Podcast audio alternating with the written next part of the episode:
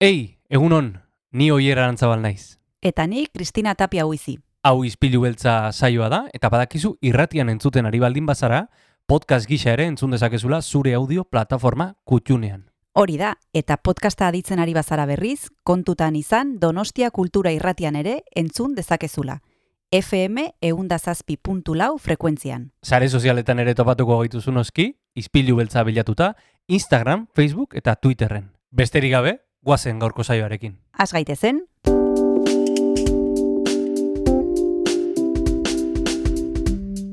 Ispilu beltza. Donostiako kulturaren berri, Oyer Arantzabal eta Kristina Tapia buizirekin.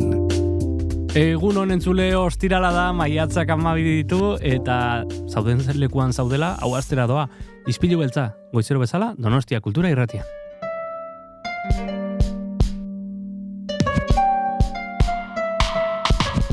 Izpiluari begira jarriko gara, ea zer izlatzen digun gaur, atzo aurreratu genuen, Kristina, egunon? egunon, bai, ostirala da, eta badakizu ostiraletan badaukagula ja erdi finkatuta pixka bat edukia, batetik liburutegitara joaten gara, eta gaur intxaurrondoraino joango gara, bertan baitago Isabel Besga, eta berak aukeratu duen liburuak izena du El hombre de Calcuta, Abir Mujer Jerena da, eta gainera izango dugu gurekin Beñat Sarasola oier. Beñat Sarasola ipuingintza garaikideko klasikoak e, ikastaroa egiten du, Beñat Sarasolak, e, mhm. badakizue poeta, idazlea, irakaslea, e, editorea ere bai. Bai. E, eta Ernest Juk kulturetxean izango da.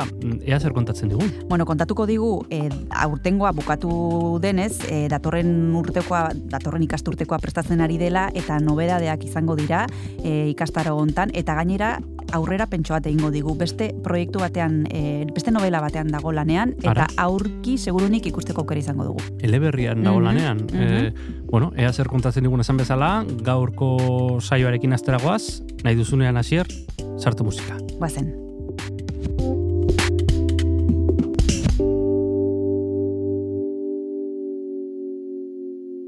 Kaixo entzule, iritsi da ostirala eta ostiralarekin eh, batera badakizue musika ere protagonista izango dugula hemen Ispilu Beltza podcastean eta gaurkoan eh, Julen Leturiondo Ibartarrari egingo diogu tartea orain, eh, bueno, ba saioa hasteko bere, bueno, ba estudioko bi kantuetatik bat entzungo dugulako. Isilduak du izena lana eta bera esan bezala Julen da. Julen aukeratu du bere izen artistiko moduan eta ziur nago hemendik gutxira, ba Euskal Herriko holtza askotan ikusteko aukera izango dugula. Zuekin Julenen Isildua kantua.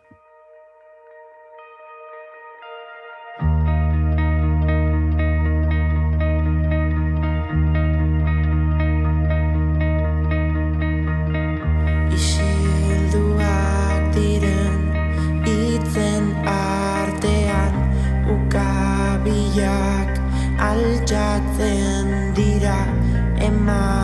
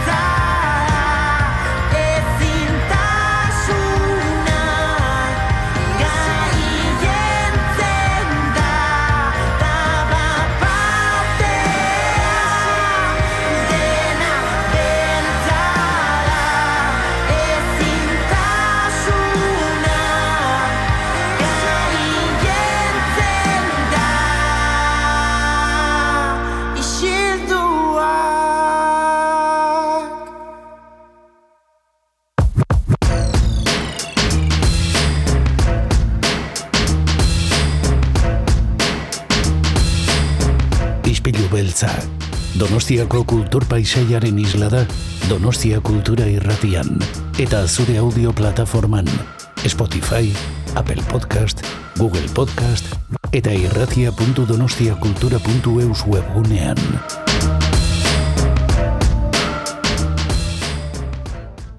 Beñat Sarasola, idazle eta irakasle donostiarra da, donostia kulturako ikastaroen tan parte hartzen duen pertsonetako bat, eta guk donostia kultura irratira gonbidatu dugu, kontatuko digu e, zeri buruz aritzen den e, Beñat e, donostia kulturan, uste dut, literaturari buruzko zerbait dela, aurrekoan ere izan genuen hemen gurekin, eta esplikatu zigun, beste behin gonbidatu dugu.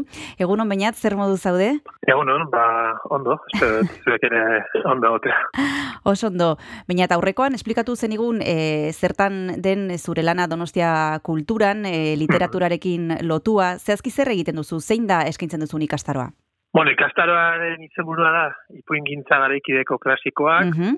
eta, bueno, jabi urtez e, egin dugun ikastaroa da, eta, bueno, funtzioan da, ba, aro garaikidean, ikuspuntu historikotik hartuta, e, hau da, frantziar e, iroltzatik onako garai horretan, e, ipuin gintzak eman dituen klasiko batzuk edo irakurtzen ditugu, ipuin, ipuin soilak, ez ipuin liburu osoa, baizik eta Mhm. ipuin soilak e, aukeratzen ditugu, ba, kurtsoan gutxi gora bera amar bat ipuin izaten dira kurtso Mhm. bakoitzean, eta arun saio bakoitzean aztertzen dugu, ba, saioaren aurretik e, ipuina irakurri behar da, e, lehenengo saioan material guztiak ematen zizki ikaslei, eta, bueno, ba, ja saio bakoitzean aztertzen dugu, ba, alik eta modu sakonenean denon artean ipuin bakoitza. Mhm.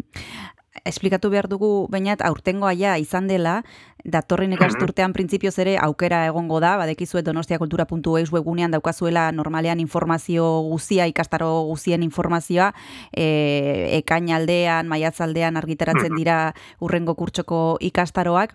E, kasu hontan adibidez, aurten landu dituzuen autoreak e, zein izan dira, eta zeren arabera aukeratzen dituzu batzuk eta ez, eta ez besteak. Bai, bueno, a ber, irizpide nagusia da, ba, nolabait, ba, ba, funtsezkoak diren autoreak hau, hautatzea, ideia hori da, ez, pixkate ezinbestokoak, edo klasikoak diren autore horiek hautatzea, ze askotan, ba, arn entzun ditugu, e, ba, importantzeak direla, baina askotan ez dugu demorarik hartzen, eraztidik hartzen, ba, irakurtzeko, benetan, ez? Ja. Orduan, ba, bueno, e, gutxi gora bera, azten gera, ipuingintza modernoa konsideratzen den horko lelengoekin, e, ba, Chekhov eta Maupassant e, bezalako autorekin adibidez, Mhm. eta gero, ba, bueno, ur, aur, urteetan aurrera egiten dugu, pi- pixka ba, bidez, eh, aurtengo ikastaroan, ba, bueno, Chekhov eta Maupassant ondoren, Charlotte Perkins Gilmanen normako paper horia aztertu genuen, gero James Joyceen e, Dublin darrakeko bat, Arabia izenekoa, Catherine Mansfield, Ernest Hemingway, Flannery O'Connor, Ingeborg Bachmann eta Alice Munro izan dira Mhm. urtengoak. Mhm. Orduan ikusten duzen bezala, ba, azten gera gutxi gora bera, emeetzi gara zendean, eh, erdian edo gutxi gora bera, eta izten gera, ba, Alice Munro oraino, oraino, eh, biziden autore eraino, eta, bueno, gaur egungo, ba, ezaguna da, ba, ipuin gidean dienetako bat, ez? Eta, bueno, ba, autore bakoitzeko ipuin bat, formalean izaten da, eta eta horrela egiten dugu aurrera, nola baita errepaso horre- horretan. Mhm.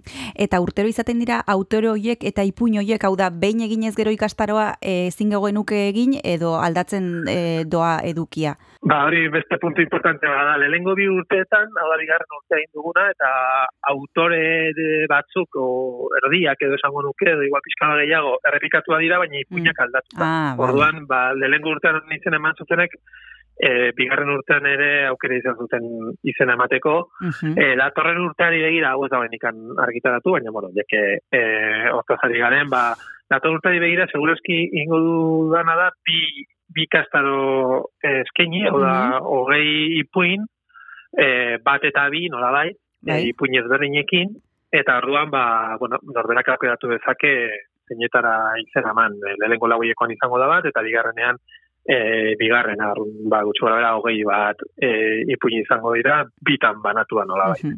Ederki, o hemen informazioa datorren ikasturterako, tartetxo bat hartu behar dugu bainat eta segituan itzuliko gara zurekin hitz egiteko. Oso ondo. Ao arraro, ao zaila, o zarrepai. Zenbat lotxa, zenbat min, itz deslai. Dijunak da ez dijunak esan nahi.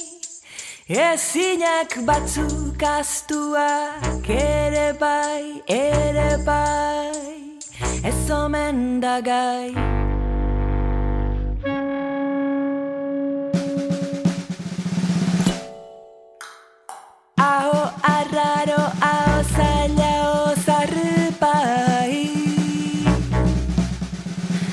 Ez omen da gai, eo zein aurpegitan, eoteko nun nahi, autetxia izan al naiz, autetxia,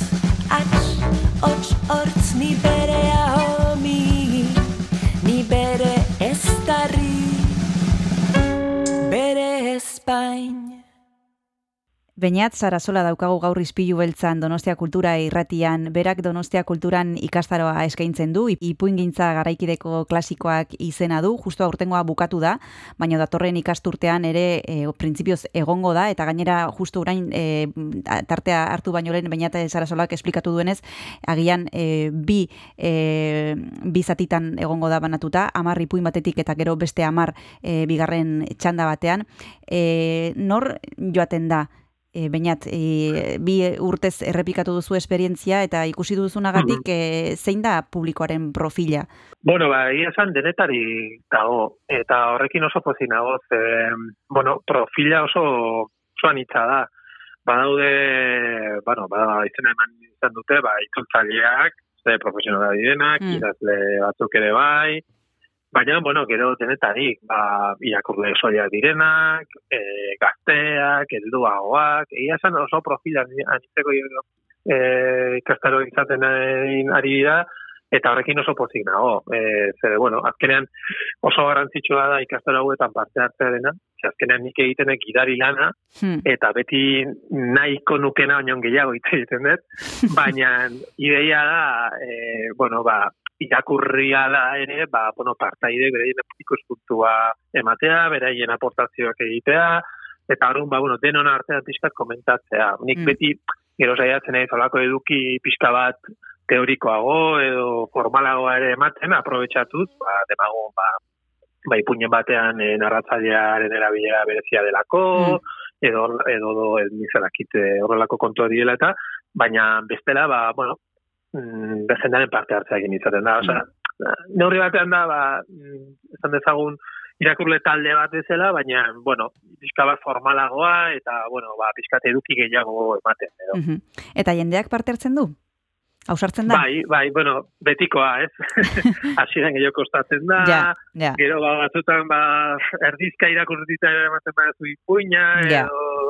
Bueno, hori batzuk esaten dute, ez, ba, astero da, ez, orduan, astero ipuin bada, asiren jendeak pentsatzen du, bueno, astero ipuin bat ez da inkomplikatua, baina, Ja. bueno, sakon irakurri nahi galin baduzu, eta gero, kastaroan eko mundu sakonean komentatzen dugunez, ba, bai, oza, komenide irakurrite eukitzea, baina ez, hola, e, autobusean zoazela yeah. modutan, komenida ondo irakurrita eramatea, eta hori batzutan, ba, batzuk ezin izaten dute ondo eraman, eta orduan, ba, bueno, parte hartzere mugatua dagoa da, baina, bueno, ez oroar, parte hartzea ere, bai, hona izaten da, eta mm. jende asko ere, baita konsulta gigarriak ere egiten ditu besteleko batzuetan, eta, bueno, bai, bai, oso, oso ze interesgarriak Mhm.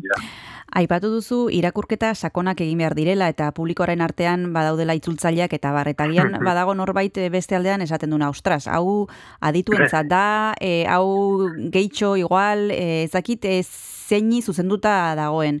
Baina edo zeinek Bai. eman dezake izena edo ja da pixka bat e, maila altua dutenentzat. Ez, nik esango nuke, mm, euskeraz irakurri eta ipuingintzan interesatua dagoen edonorentzat dela, ze, a ber, e, egia da gero, ba, norberak bere irakurketa egiten dituela, eta gero, ba, bere par, norberaren parte hartzea ez dago inor behartuta parte hartzera, ez Mm. dago behartuta ezertara, baina gero ipuina denean, hau da, azkenean, e, izango bali gauza oso erudito bat, edo, ba, igual ulertuko nuke, baina azkenean, abia puntua da ipuin baten irakurketa. Eta ipuin bat irakurtzeko gai, eta ipuin horren inguruan hitz egiteko gai, edo nor da. Edo nor, ez Hmm. literatur zalea edo nor, eta eta mailan linguistiko minimoa du edo nork egin dezake. Normal horretatik e, edo nor izan daiteke. Gero, ba, bueno, ba, batzuek esaten dute, jo, ba, jo, beste intzuten, ba, nik imaginatzen ez ditute dituen gauzak agertzen Hmm. dira, baina, bueno, horrek egiten duena da, beraztu, osea, Mm. Ez da ez da bestearen zure kaltetan, ez zuk egin Mm. duzun irakurketaren kaltetan. Beraz, nik esango nuke oso profil zabalekoa dela. Eta, bueno, ba, igual hasi- hasieran batzuk bai, ba, segun parte hartzaileak ze profiletakoa diren sentitzen dute horrelako zera bat, baina gero bere ala konfiantza hartu eta eta ez dago problemari parte hartzeko eta Mhm. Askotan pasatu izan da alrebes, e, zuri eskapatu zaizun zerbait e, norbaitek azpimarratu izana edo zuk igual agian Bai, ez duzu bai, pentsatu zerbaitetan eta ba, norbaitek e, bota dizu e, bueno, e, amua edo eta bueno, Mhm. zuk ere hortik zerbait ateratzen duzu? Bai, bai, bai. Bai, bai, hori beti, puina komentatzen direnean beti ateratzen dira gauza berria goratzen naiz bat bereziki kasu bat, ez da gehiagi garatuko, ze spoiler egitea litzateke, baina e, lehenengo urtean e, zinbia hosiken ipuin oso famatu bat xala izenekoa irakurri genuen, eta da konzentrazio esparru batean kokatua dago, e, nazismoaren garaian, eta horra ez detalle bat, guatzen naiz e, irakurle batek aipatu zidan, detalle ik, ipuinak irakurtzen ditut, eta bueno, bestetik, ba, bibliografia ere erabiltzen dut, pixkat, eh, aberasteko gehiago, ez? E, baina hor- horrelakotan topatu ez nuen gauza detalle bat, edo aztu nuen binta detalle bat aipatu zidan, eta eta egia zen, e, eta, bueno, nahiko importantea zen ipuin, ipuin horretan, ez? Eta horren horrelako gauzak beti ateratzen dira, ze azkenean ipuin klasikoa direnez, eta normalean ba oso aberatsak eta irakurketa asko eskintzeko aukera ematen dutenak, ba, dena, dena hitz egitea ezinezkoa da, yeah. definizioz, bueno, eske ez dakit, e, ba, Chejoven ipuinen inguruan, oraindik jarraitzen dugu egite, eta oraindik jarraitzen dugu interpretazio berriak egiten eta bar, Mm. eta orduan ba, alde horretatik inoiz ez da bukatzen hori, ez? Orduan, ba, Mm. bai, beti, beti ikasten da, noiz, Mm. noski, bai, bai. Hmm. Eta gero beraien artean ere sortzen da harremana, ez dakite hortik aparte e, izaten duten, edo zuk badakizun behintzat e, beste, e, bueno, gelditzen diren e, zerbait hartzen, kafe bat hartzen, edo ez dakite ikusi duzun ere, hor bada, sortzen dela beste gauza bat. E, bueno, azkeneko egunean beti egiten dugu horrelako zera bilkura informalago bat, Mhm. eta eta, bueno, urtetik urtera batzuk errepikatu dute, eta, bueno, horren bat, pixkat konfiantza gehiago hartu izan dute, kontua da, bueno, ba, alde ona noski da e, ikastaroak arrakastea iz, e, izan duela eta Bai. bete egiten dela Bai, eta bueno azkenean e, betetzeak suposatzen du baita ere bueno talde talde handi xamarra dela eta orrun batzutan zailago da dinamika ezagun Mm. e, olako zuk aipatutako bezago dinamika sortzea ja. baina bueno urtetik urtera errepikatuz e, bueno batzuk batzuk ere aurretik elkar ezagutzen dute eta Mm. eta bueno horrek ere laguntzen du Mhm. Eh, baina, bueno, eh, horrela, o- ikastarotik kanpo horrela, et, bueno, ni daki, ja, uste, jarraitzen dutenik ipuinekin, ipuinez hitz egiten. Mhm. bueno. Guk segituan e, hitz egingo dugu gehiago ipuingintzaren inguruan, bigarren eta azken e, tartetxo hartuko dugu eta itzuliko gara momentu batean.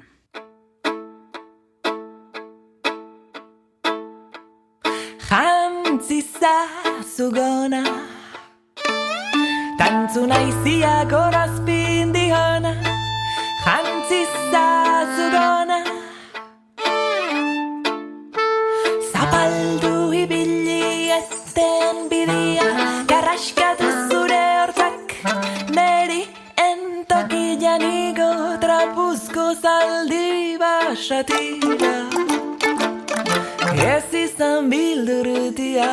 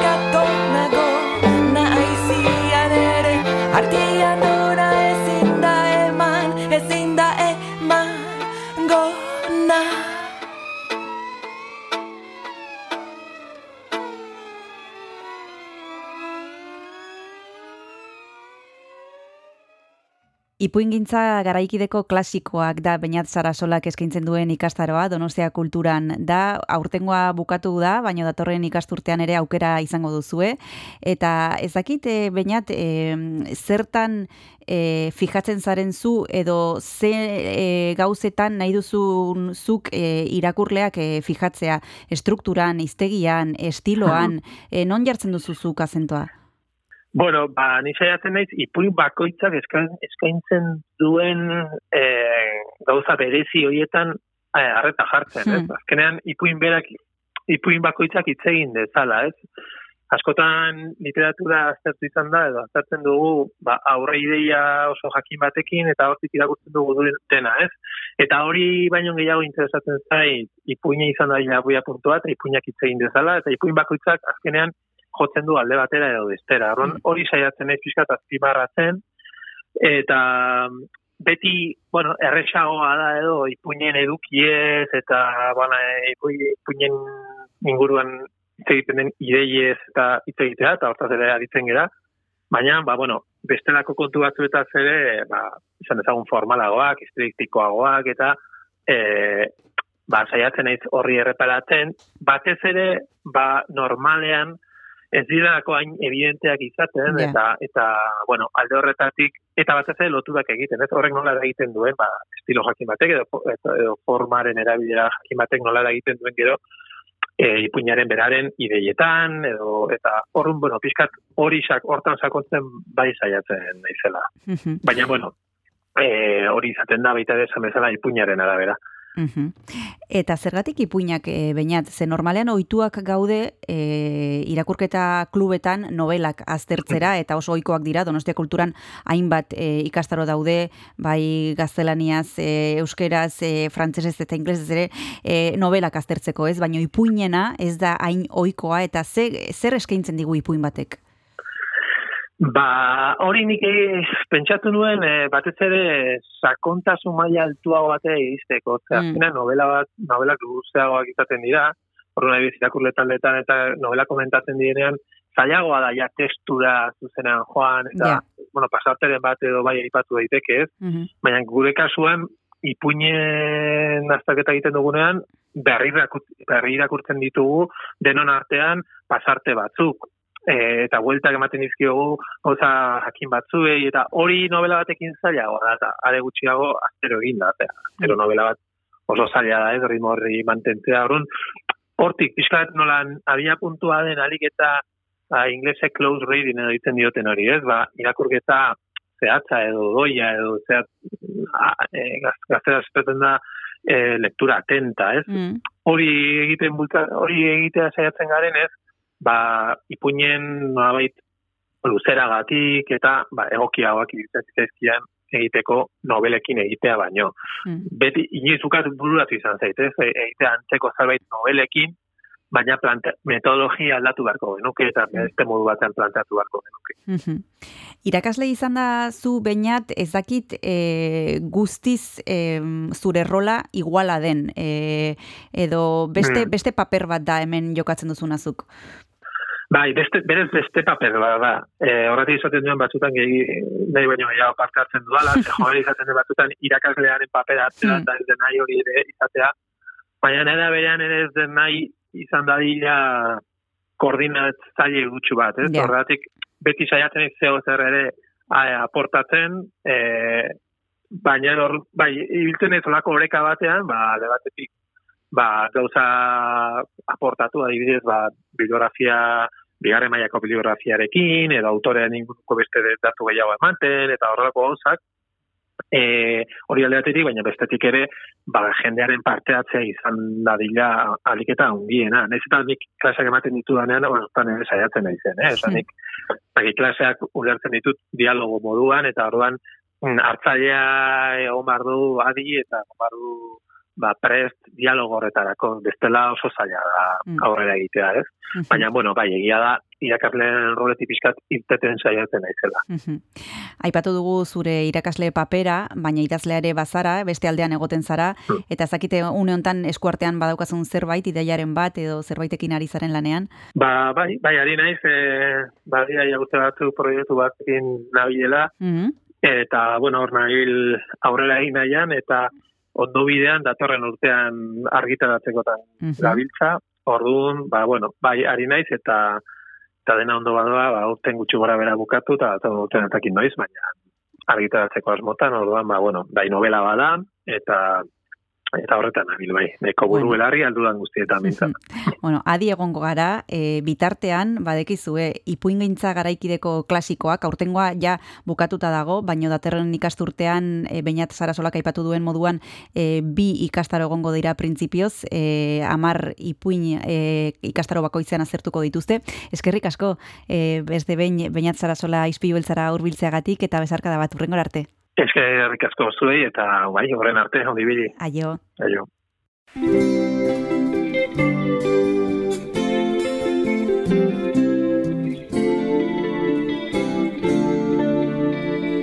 Isildu zaigu eguna, larre ondoan asuna, zure gomuta saminagoa, bihotz nere kokutuna. Eperra garitzan kanta, eizeko zakurra zaunka, teilatu gorriari dario, negarreta odol tanta.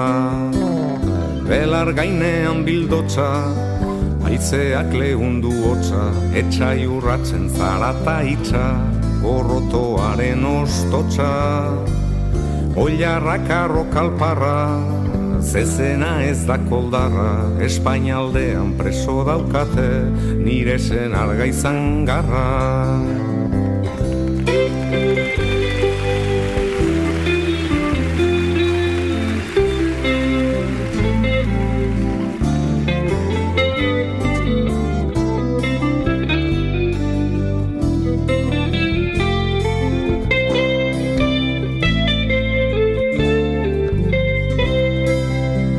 Eder basoan aritza, pagoa lerden bortitza, baztera hauetan zenbait jaunskilok, errez janoi du bere.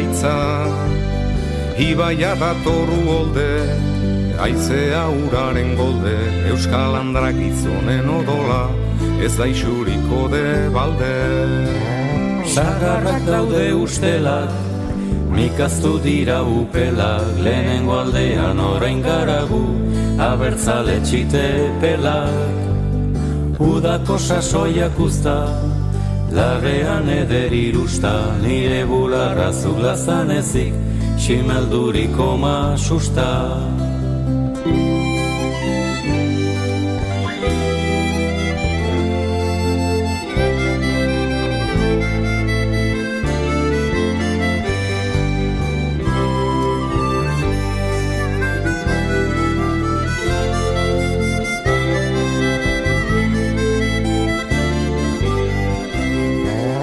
susta. Artoa zaigu zoritu, sagarrondoak gorritu, zu noiz itzuli itxaropena, ez zait gogotikak itu.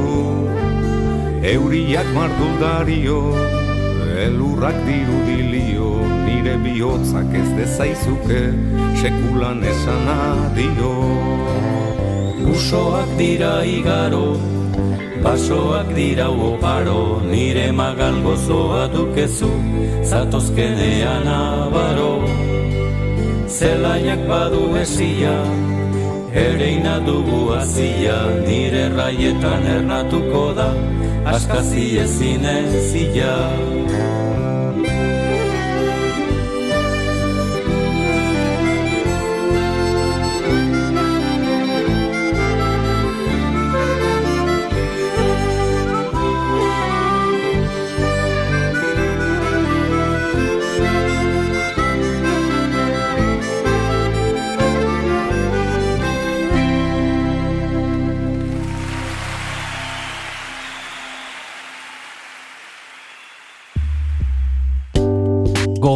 Izpilu beltza entzuten ari zalera Donostia Kultura Irratian, baina nahieran ere topatu dezakezula podcast gisa gure saioa. Edozein audio plataformatan arpidetu eta Kristina Tapia Uizi eta biok asko eskertuko dizugu. Orain jarrai dezala saioak.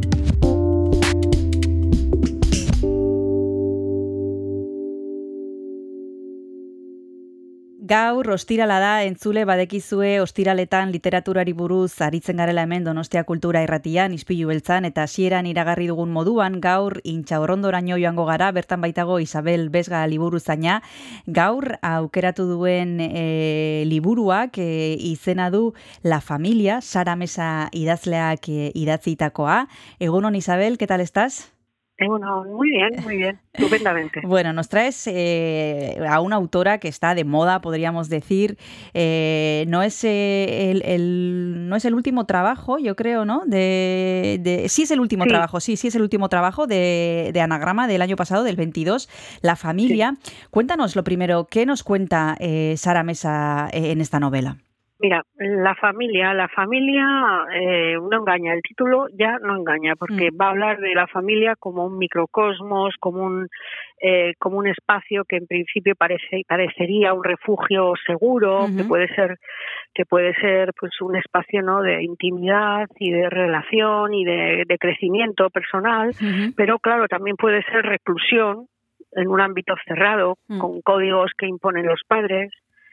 En, eh, en esta novela va, va de eso, va de un padre y una madre que quieren crear un proyecto propio para sus vidas, donde tienen hijos como una como parte natural de ese proyecto, y hay también un añadido que es la sobrina huérfana Sí. que adoptan, ¿no? Sí. Adoptada. En total, si los personajes eh, importantes de la novela son seis, son los eh, los padres, los dos hijos, la hija y la sobrina. El padre, bueno, los personajes es- es- realmente es una novela de personajes.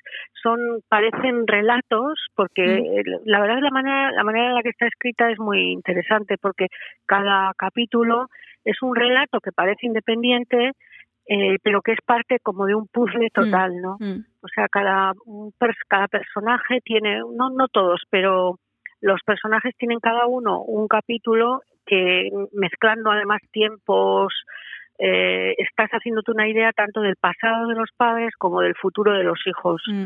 Y al final es como un mosaico familiar que muy desasosegante, la verdad, inquietante. El padre, como te decía, mira, el padre tiene una personalidad que raya en el maltrato psicológico Sí.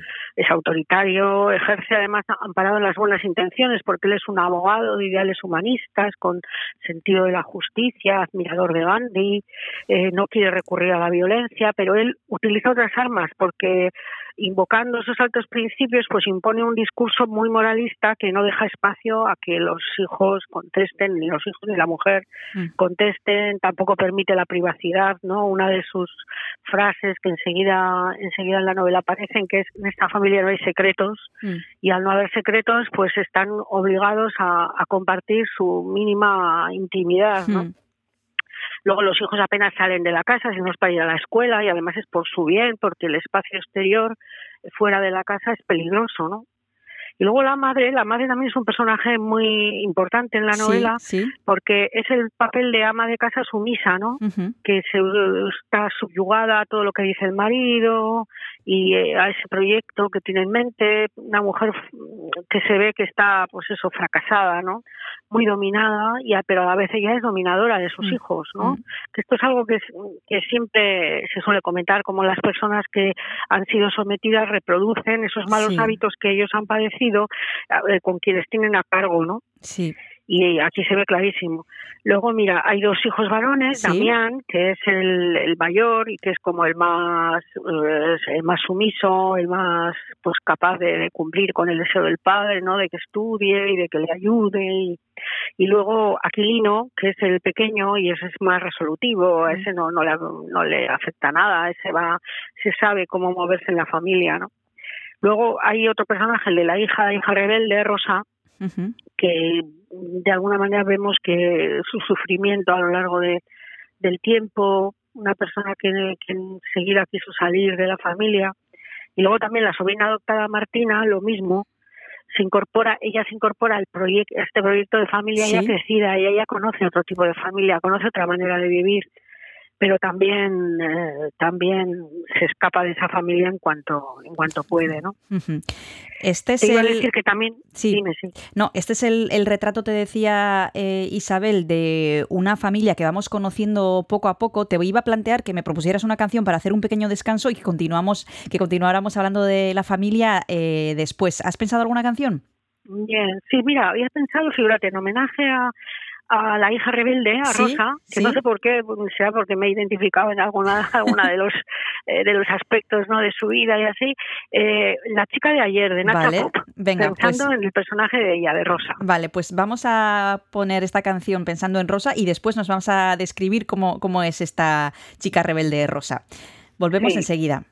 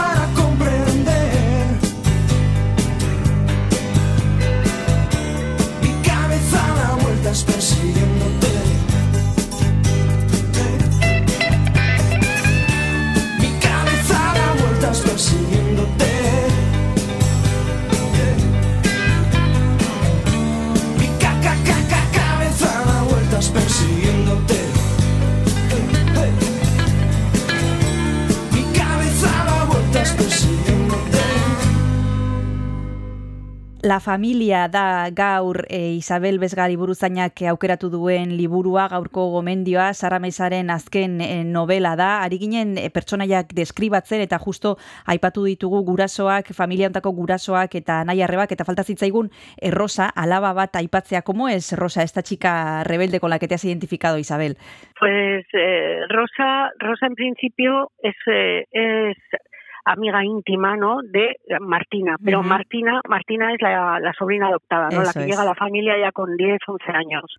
Entonces, bueno, eh, en principio ya no conoce más mundo que el de que el de su familia, pero por otro lado sí que en cuanto tiene ocasión de relacionarse con otra gente, ella busca su salida. Eh, tiene un novio con el que con el que se escapa, vamos, con el que se escapa de la de la ruindad en la que vive, ¿no? Del, del, del espacio tan estrecho, tan tan angosto, ¿no? En el que en el que se tienen que relacionar los eh, los hermanos. Eh, y es que la novela, si si de algo, de algo podemos hablar que habla esta novela, desde luego es de soledad, porque la etiqueta de realista ha sido, ha sido una de las que la, la crítica especializada, la, la crítica hemos hablado siempre de novela realista para hablar de esta novela y de las anteriores de Sara Mesa, Ujú. porque esta mujer tiene una capacidad para crear personajes que enseguida te entran, ¿no? Te, te, te llegan Sí. en, en cinco minutos, sí. En cinco minutos de lectura ya estás y vamos, estás ya implicadísimo en, en, en la vida de estos personajes. Sí. Ella en una entrevista sí que ha dicho que ella, eh, cuando te comentaba ¿no? de cómo cada capítulo está hablando de un personaje Sí. que está jugando con el tiempo, lo mismo Sí. es el pasado como el futuro, tal, ella, ella siempre ha dicho que ella lo que quiere es contar momentos concretos de la vida de sus personajes y sean momentos que estén como entre grandes huecos, ¿no? grandes elipsis, donde el, el propio lector haga sus, sus interpretaciones. Mm. Eh, lo que le gusta también es en esos eh, pequeños momentos que son los que ya describe en la novela explicar como momentos de tensión, no momentos que generan que a partir de una circunstancia cotidiana se genera una tensión que luego tiene claro relación con los comportamientos de los de los personajes. Son personajes ya te digo inquieta- inquietantes Sí. y una de las eh, uno de los personajes que no claro no es un personaje real pero que está está pululando por ahí es la soledad. Están muy marcados Mm. por el dolor y la soledad. Una de las cosas curiosas que, que me ha resultado a mí al leer este libro, La familia Isabel, es que te va introduciendo a los personajes poco a poco, parecen una cosa, pero conforme avanzas en las páginas vas descubriendo que, bueno, que cada uno de ellos tiene sus, sus recovecos y eso te va generando una angustia que, Sí. que te engancha y es difícil de explicar porque es una sensación como relativamente desagradable, pero al mismo tiempo no puedes dejarles eh, solos y tienes que seguir leyendo esa inquietud y esa angustia que mencionabas que, que tienen estos personajes y que también tienen alguno, algunos otros en, en otros libros de Sara Mesa. Eso tiene eh, la autora Sí. una capacidad de generar ese clima que Sí, es bastante agobiante, ¿no? Sí, sí, sí. Ella desde luego cuestiona la visión que tenemos, si quieres, idealizada de la Mm. familia, ¿no? Como si fuera Mm. un lugar seguro, cuando Mm. en realidad ella lo que te está hablando es de una atmósfera que es asfixiante, Mm. que es que que, que- que deja un pozo de inquietud muy profundo en las Mm. personas, ¿no? Mm. Y que la arrastran a lo largo de la vida. Eh, me ha recordado, me ha Sí. recordado a un, un principio de novela que es famosísimo, claro, de León Tolstoy, Ana, Ana Karenina, Mm. que empieza así, empieza diciendo todas las familias felices se parecen unas a otras, pero cada familia infeliz lo es infeliz a su manera. Mm. Tiene un motivo especial para sentirse desgraciada. Mm. Es así. Sí, o sea, sí. Y es verdad que las relaciones familiares han sido un tema pues principal en la literatura durante toda la historia, eso sí, y, todas las personas estamos marcados por nuestra familia y Mm. entonces claro, los personajes de esa mesa eh, es fácil identificarte con uno, con otro, con aspectos de uno u otro, porque tú también, claro, tienes detrás un pasado, todos hemos, hemos sido niños, la gran mayoría hemos nacido en una familia y, y tenemos esas referencias, ¿no? Sí, sí. Eh, Antes de empezar a grabar, Isabel, me decías que es la primera novela que has leído de Sara Mesa. ¿Cómo ha sido tu Sí. primer contacto con esta autora? ¿Qué te ha parecido? Hombre, me ha parecido que escribe maravillosamente bien. Que tiene una prosa una prosa muy muy pulida muy pulida que es muy original a la hora de, de hablar de situaciones no recurre a los tópicos sino que es muy muy muy original como digo. Me ha gustado mucho.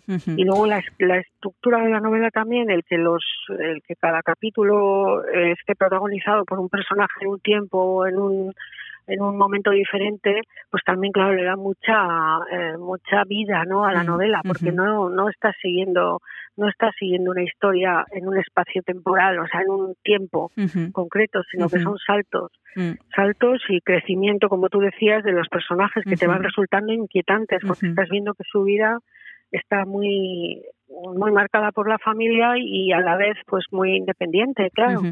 Esta familia que, que va, que va completándose como, como un puzzle, ¿no? La novela, poco a poco, vas Sí. encajando todas las piezas hasta llegar al final. Vamos a seguir hablando de esta novela, del último trabajo de Sara Mesa, de esta autora madrileña que desde hace tiempo ya reside en Madrid, que es del año 76. Después hablaremos también en la recta final de ella, pero nos vamos a tomar el segundo y último descanso. Y si ayer, ah, si antes has propuesto la chica de ayer, Isabel, eh, para este segundo descanso, ¿qué se te viene a la cabeza? Sí, mira, he pensado en Sting, en una, ca- una canción conocidísima de él, la de Every, Every Breath You Take. Perfecto. Por, también por lo sí, por lo que tiene, porque es una es una canción que hace muy poquito oí que era una canción que él había era una canción de desamor que él Ujú. había escrito en un momento en el que él estaba muy revuelto en, en, en su relación personal, ¿no? Pero sin embargo parece una canción de amor de amor obsesivo porque es un control absoluto de eso, ¿no? De lo que de lo que respiras, de lo que haces, de cómo andas, de cómo duermes, de cómo comes. Estoy ahí, ¿no? Yo estaré siempre ahí mirando y viéndote y me ha recordado. Sí, pues como anillo al dedo nos viene esta canción de Sting que vamos a escuchar ahora mismo y enseguida continuamos hablando de la familia de Sara Mesa.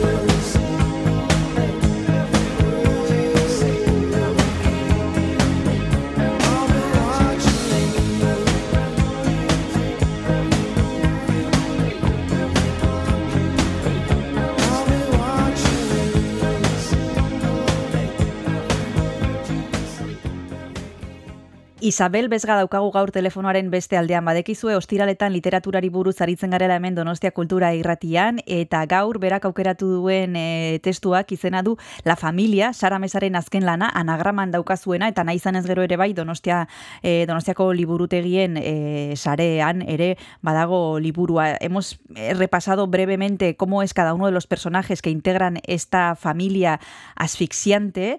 Antes decíamos las familias parece que son un espacio seguro, pero no siempre lo son y este es un ejemplo eh, bastante, bastante gráfico y evidente de que, de que a veces no, no lo son. Esta es la propuesta de Sara Mesa. Eh, ¿Te ha resultado difícil la lectura? Decías que hay saltos, que cada, que cada personaje podríamos decir que se, se compone de, de, un relato en el libro. ¿Cómo es eh, la escritura de, de esta de, de, Sara Mesa? No sé si es el lenguaje te ha resultado complicado, las frases son largas.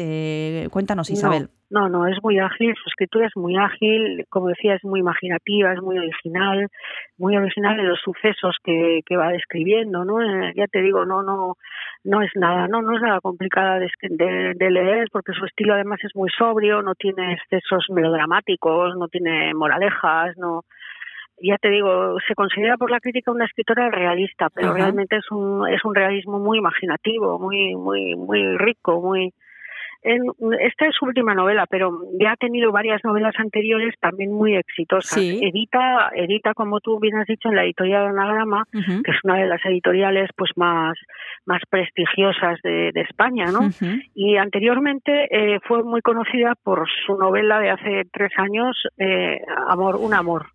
Un amor. Un amor tuvo, tuvo muchos premios, uh -huh. tuvo fue considerada la mejor novela del año por las principales revistas culturales, uh -huh. fue en el premio de los libreros y fue una sorpresa el ver el ver también como personajes en, en el caso de un amor personajes situados en un ambiente rural cómo se, se relacionaban entre ellos los odios que surgían a partir de, de pequeñas anécdotas, ¿no?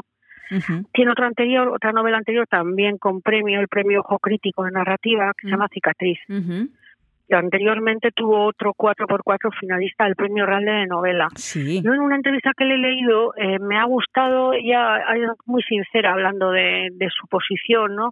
Pues claro, ahora ya de alguna manera es una escritora consagrada desde el momento en que sí. Anagrama, la editorial tan, tan prestigiosa, se fija en ella y edita sus, sus novelas tiene, no es que sean unos bestsellers, no, pero bueno, por supuesto tiene mucho prestigio y, y vende bastante. Sí, sí. Eh, pero ella dice bien claro que ya, a ella no le gusta que le clasifiquen ni por temáticas, ni porque digan que es un realista, como decimos, mm. ni tampoco por tribus, ni tampoco por generación, es decir, bueno, pues las mujeres de tu edad sí, y tal sí, escriben de una determinada manera, porque eh, no le gusta, dice que no, que a ella, a ella no, prefiere, prefiere funcionar a su bola, ¿no?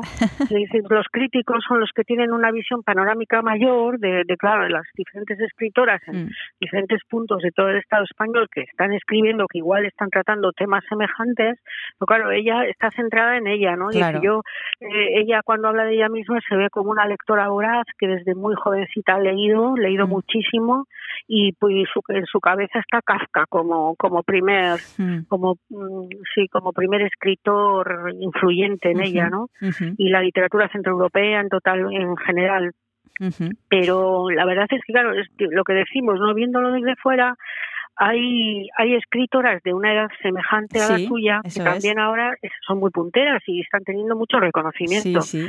Y te puedo hablar, por ejemplo, de Marta Sá, por ejemplo, que es algo mayor, pero también es hoy en día alguien muy, muy, muy considerado. Uh -huh. Edurte Portela, también. que también es más o menos de la edad de ella. Uh -huh. Olga Merino, uh -huh. un poco más mayor. Eh, Laura Carreros, Laura Ferrero, Elvira Navarro. Esas escritoras. Y luego, mira, en Euskadi tenemos a Ido Rodríguez, sí. que ahora ha tenido este éxito tan grande que han, han en euskera, ¿no? Era Ikuncharako Materiala. Materiala sí. Sí, que han traducido al castellano material de construcción sí. y que también está teniendo unas críticas muy buenas y está teniendo como un reconocimiento general, ¿no? Saliendo mm. del ámbito de la literatura en euskera eh, y también trata un tema muy muy relacionado con esto, ¿no? Que es su, su familia. relación con su padre, sí, sí, sí. en concreto la figura del padre. Eso ¿no? es, eso es. Un poco el cuestionamiento de quién era su padre y por qué vivía como vivía y, y lo que ella ha sentido, ¿no? Con, mm a, a raíz de la muerte de su padre, lo que ella ha sentido de, de curiosidad, de querer saber quién era y por qué era así, ¿no? Ujú. Bueno, una generación de autoras a las que eh, tendremos que seguir la pista porque, como decías tú, eh, Isabel, están haciendo cosas muy interesantes, cada una desde su perspectiva. ¿Tú a quién le recomendarías este libro? Yo, a cualquiera que quiera disfrutar un poco, eh, no sé cómo decir, es que no es una literatura intimista, es que no, no es, porque ya te digo, es muy ágil, es muy, no es nada, es sobria, está, está muy bien escrita. Cualquiera que quiera disfrutar un poco de literatura de calidad, es que es, es así, ¿eh? Ujú. Eh, sí que es verdad que sabiendo que vas a correr el riesgo de mm, pensar un poco sobre la intimidad de, de tu familia, Claro. de tu, ¿eh? que no es una novela de evasión. Sí, que te va a hacer volver a ti y pensar en ti y pensar en, en cómo es la tuya, ¿no? Porque a veces Sí. a lo mejor te puedes eh, ver reflejado en algunas cositas de, de la familia que plantea ella. Eso creo yo, yo creo que sí, yo creo que sí. Bueno, no sé, tú también puedes decir porque lo has leído, Sí, así sí. que igual te ha pasado también, ¿no? sí, hombre, mi familia no es como la que plantea ella, por suerte, pero sí que hay cositas, rasgos que, que ves y que a veces es incluso más duro cuando los ves eh, fuera, ¿no? Eh, y, y te hace pensar en, en cosas de, de tu casa y eso, como decías tú, no es una novela para la evasión. Así que No. quien, quien la vaya a coger en las bibliotecas o quien se anime a comprarla que está en anagrama, como hemos dicho, pues bueno, que sepa que es una novela que mueve, yo creo. Sí, sí, sí, sí, que te hace pensar. Ujú. que te hace pensar y a la vez disfrutas, ¿eh? Disfrutas porque ves que con verdad, con eso es la maravilla de la literatura de los buenos escritores, que con muy pocos mimbres generan un, un todo un universo en el que te ves, te ves y, y ves a los demás también. Aprendes de la vida. Bueno, pues con esta propuesta para aprenderle de la vida, para verte a ti, para ver a los demás, que es la familia de Sara Mesa, que es la que nos ha traído hoy Isabel Vesga, que está recomendando otros más libros, eh, otros muchos más libros en, en Inchaurrondo. Muchísimas gracias eh, por haberte acercado nuevamente a Donostia Cultura y Ratía. Un abrazo y hasta la próxima, Isabel. Muchas gracias, Cristina. Agur. Hasta otro día, Agur.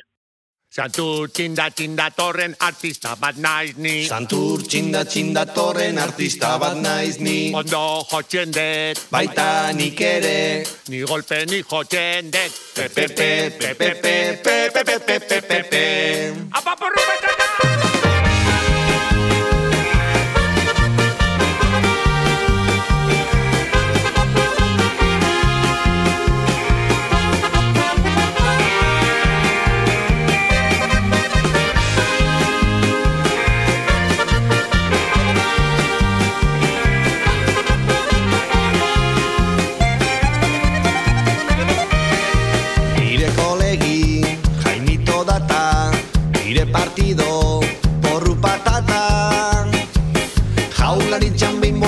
zin Queriendo konturatu eta trampetan harrapatu Nire kolegi, Jaimito data Nire partido, porru patata Jaularitzan behin botatu zin Queriendo konturatu eta trampetan harrapatu Akordioian jotzen do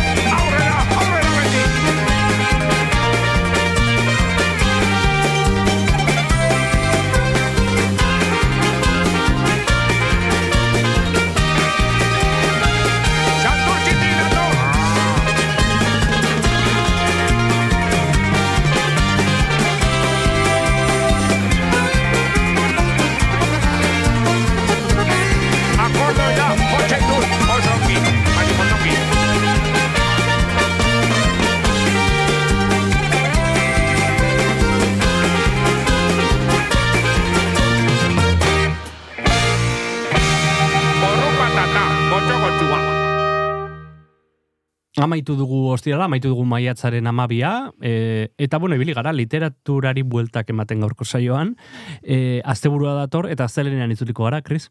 Astelenean itzuliko gara eta astelenean dantzari buruz arituko gara hemen izpilu beltzan badekizue urtero etortzen zaigula mandalain balete biarritz eta guk astelenean gobeatu ditugu Irma Jofren dantzaria eta Korin Agirre Gomez Korta arduraduna, baletaren arduraduna, Noe emanaldia ikusteko aukera izango dugu maiatzaren emezortzian, emeretzian eta hogeian Victoria Eugenia Antzokian, beraz, baletari buruz arituko gara astelenean eta gainera Mikel Iturria. Mikel Iturria, e, astero-astero egiten digu, krokis bat, en, astean zehar e, ikusi ditzakegun pelikula, e, disfrutatu ditzakegun antzerki, dantza, kontzertu, eta barren inguruan, oso estimatua, eta gainera musika jartzen digu, astelenero, hori astelenean izango da esan bezala, eta bitartean, asteburuan eta ondo, ondo segi. Aio. Aio, aio.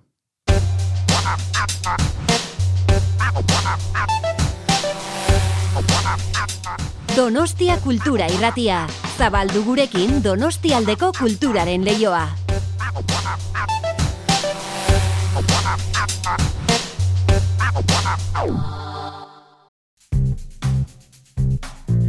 Kanta katilua.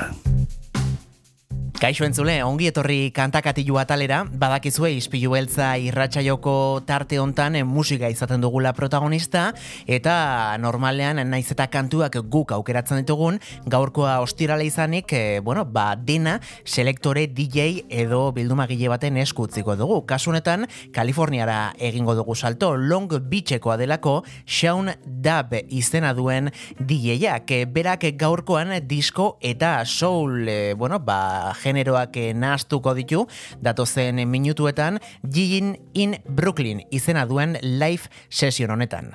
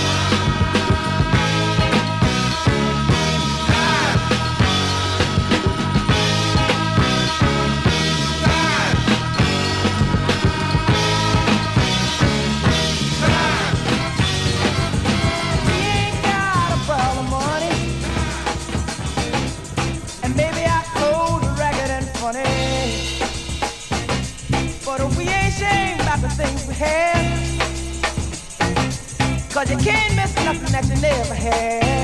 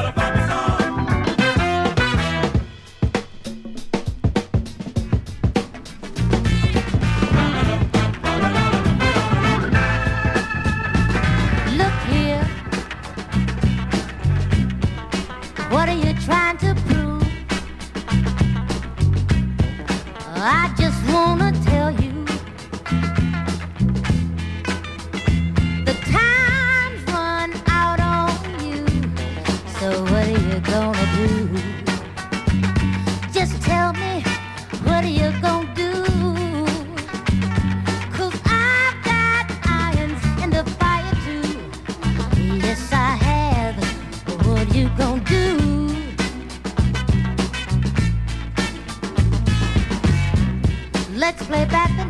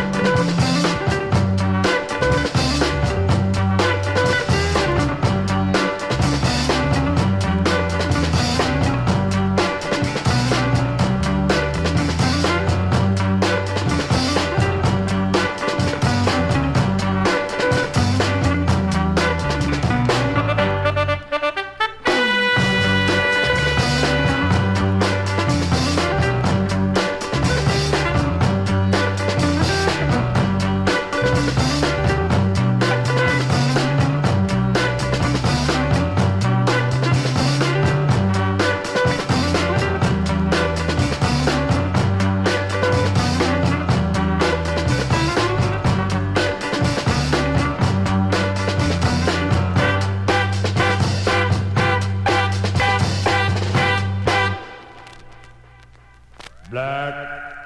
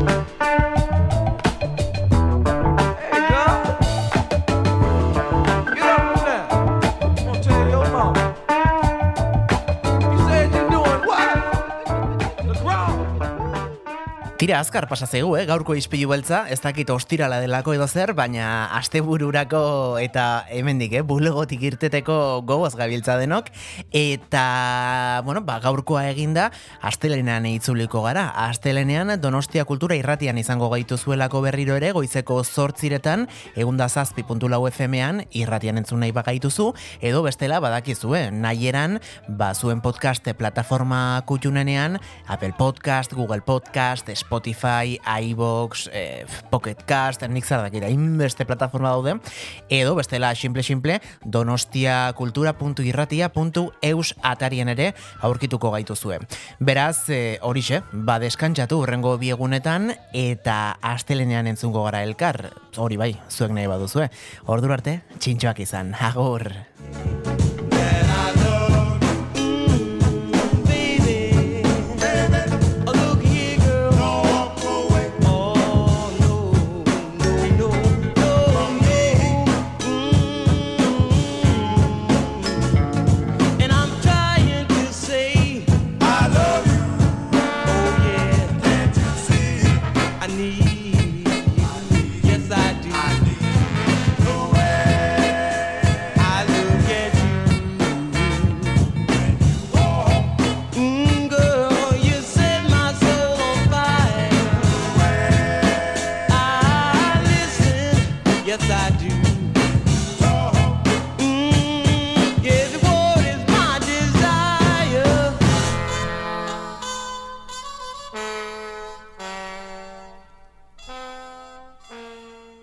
Ispilu beltza podcasta entzungai duzu irratia.donostiakultura.eus webgunean, Spotify, Apple Podcasten, Google Podcasten edo zure audio plataforma kutxunenean.